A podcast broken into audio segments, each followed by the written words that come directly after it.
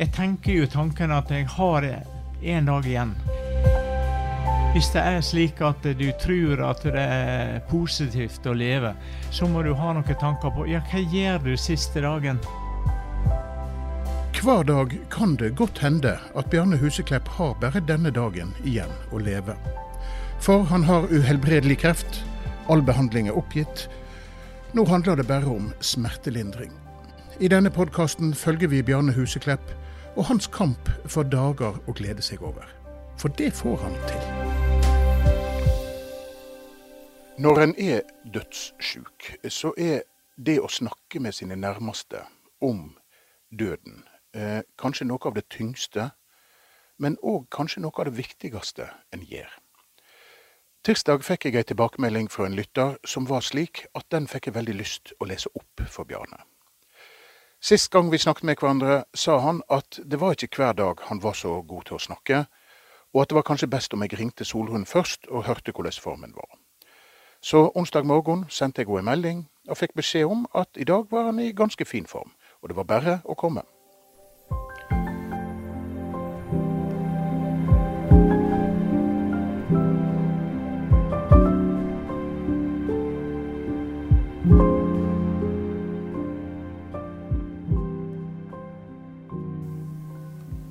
Ja, skal vi se. Da Her har vi Dette ser bra ut. Eh, da er vi kommet til 1. november, Bjarne. Er det en fin dag? Ja, den er ganske bra. Det, det, hvis vi tenker på været og det å kunne se ut og en nydelig utsikt. Og så i forbindelse med krefter nå, så har jeg fått eh, tilsendt eh, lamper som forstørrer der så jeg kan lese. For jeg sliter jo med det at jeg ikke, ser skikkelig etter, etter strålinga i mai. Der det har forstyrra synet mitt. Så Ja, Ei ei sånn lampe som folk bruker når de syr det. Det er det, ja. Det er det. Jeg har eh, lyst til å fortelle deg, jeg, jeg fikk ei melding på Facebook i går eh, etter den forrige episoden vår fra en, eh, en mann i Førde. Og han skriver Hei, eh, Ole Johannes. Jeg har fulgt med på podkasten du lager om og med Bjarne.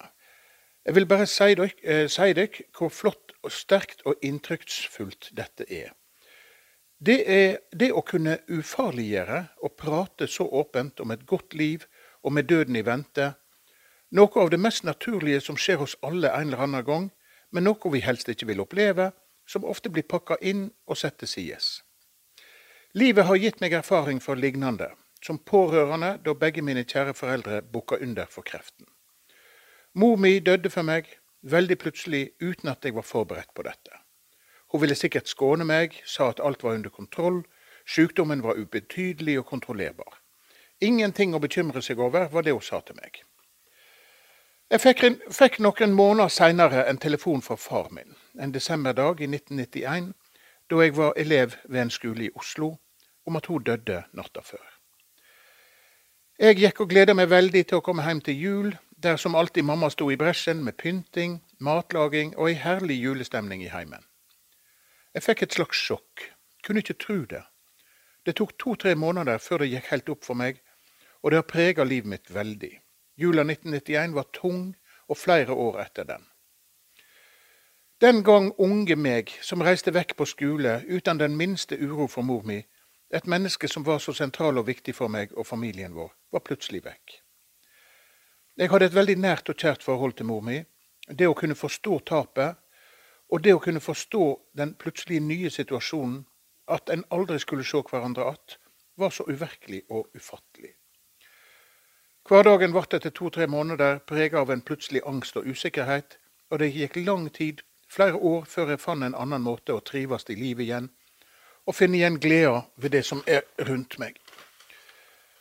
Det jeg vil fram til, gode Ole Johannes og Bjarne, er at det er så utrolig viktig med åpenhet i slik sykdom med de næreste, om hva en kan forvente, spesielt for å forberede seg til det som vil komme, og livet videre som pårørende. Bjarne er jo bare helt fantastisk. Takk for flott podkast om stor livsmeistring. Ja, det er jo flotte ord. Og eh, jeg eh, er jo begynt å tenke på at jeg skal dø. Så langt jeg, så langt jeg kom i Norge Dette der det er På, på ene sida så vet du at du skal dø, på andre sida så ikke du når. Og dette der er på en måte et slags ja, tennisspill der ballen går fram og tilbake du er frisk og har, føler deg frisk og har det bra, og så smeller det ballen i veggen, og da vet du at eh, du skal faktisk dø en gang. Er du, er du redd for døden? Nei, jeg er ikke det. Jeg har hatt så mye smerte at jeg eh, faktisk i, i de dagene når jeg hadde det yngste, kunne godt ønske å velkommen som en venn. Fordi at det, det har vært har, Spesielt i ryggen så har jeg hatt noen enorme smerter som ikke går an å beskrive. Og det er jo, det er jo da jeg sier til folk at jeg har vært i helvete. Jeg har vært der, og så har jeg plutselig vært heldig og blitt kvitt. Og, og, og det er ikke mulig rett og slett å greie å sette seg inn i den smertelindringa som du får når du ikke er syk og ikke kjenner smerten. Den eh, Så der eh, Det har kost. Men nå virker det? Nå virker det, ja. Det gjør det. Har du eh, snakka med familien om, om livet etter Bjarne, for å si det sånn? Ja, det har vi gjort. Og eh, de, er, de, er, jo i samme situasjon, de som meg, at eh, noen dager er det slik at du på en måte Nå er du ferdig. Andre dager så det, ser det ut som Nei, det er du ikke. Du er på full fart til å tenke andre nye og positive tanker. Ja, der er du nå bortimot verdensmester, vil jeg si. Ja, kan, kanskje, kanskje det. Men eh, vi har, har, diskutert det, det er ikke tvil om. Så det er jo bra. Hva, eh, hvordan har de siste dagene vært? Nei, De siste dagene har vært, vært ganske bra. Jeg har, jeg eh, har jo fått meg egen seng som vi har i stua. Så gjør det at jeg kan eh, styre den og jeg kan regulere den. Sånn at eh, når jeg merker det at jeg har vondt i ryggen, så er det faktisk mulighet til å justere senga på en sånn måte at jeg kan ligge der uten å verke.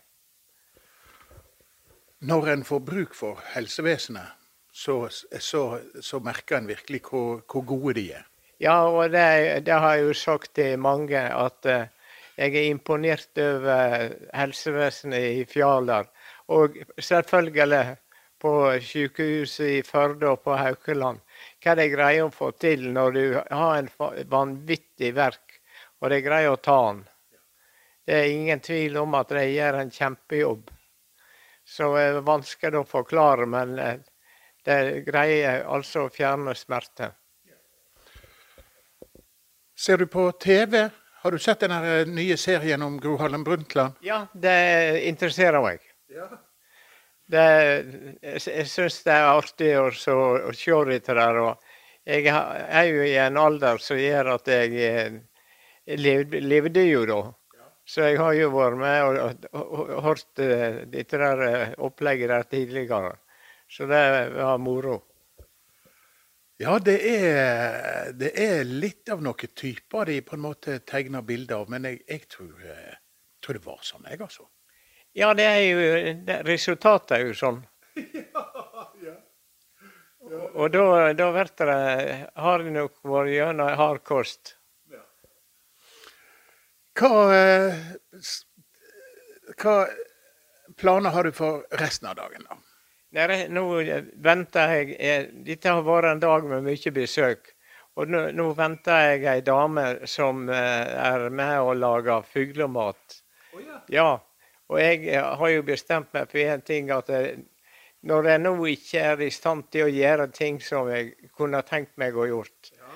så av, av håndterlige ting, så skal jeg bruke siste tida av livet mitt til å fôre fuglene. Det høres ut som en veldig, veldig, veldig god plan. Hvordan eh, lager dere denne fuglematen, da? Nei, det, det veit ikke jeg. For, jeg. for jeg har fått telefonen i dag om, om jeg har lyst til å motta den. Så, sånn at, eh, men jeg kommer jo til å spørre, selvfølgelig. Ja. Nei, jeg, eh, Vi snakket jo om disse fuglematerne dine sist. Eh, har du telling på hvor mange arter som, eh, som, som lever her? Nei, det har, har ikke jeg. Altså, det, det, er noe av det som jeg skal lære meg. Ja. Fordi at uh, her er så mange at uh, jeg er nødt til å finne meg et ark ja. og en penn og begynne å skrive ned hvor mange jeg ser. Vet du, Dette her jeg, har jeg vært opptatt av, og det fremdeles. Uh, men til jul i fjor så fikk jeg altså da to forskjellige bøker om fugler på fuglebrettet. Ja. Og den ene der, den skal jeg ta med til deg neste gang jeg er Ja, det hadde jo vært kjekt. Ja. Det er jo For det, da er det lettere å finne ut, ut av det. Ja. Så det, det setter jeg pris på.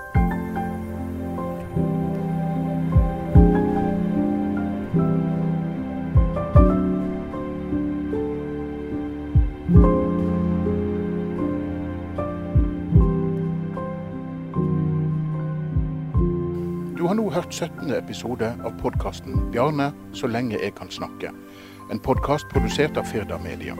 Mitt navn er Ole Johannes Øvertveit, og denne podkasten kommer vi til å fortsette å lage så lenge vi kan.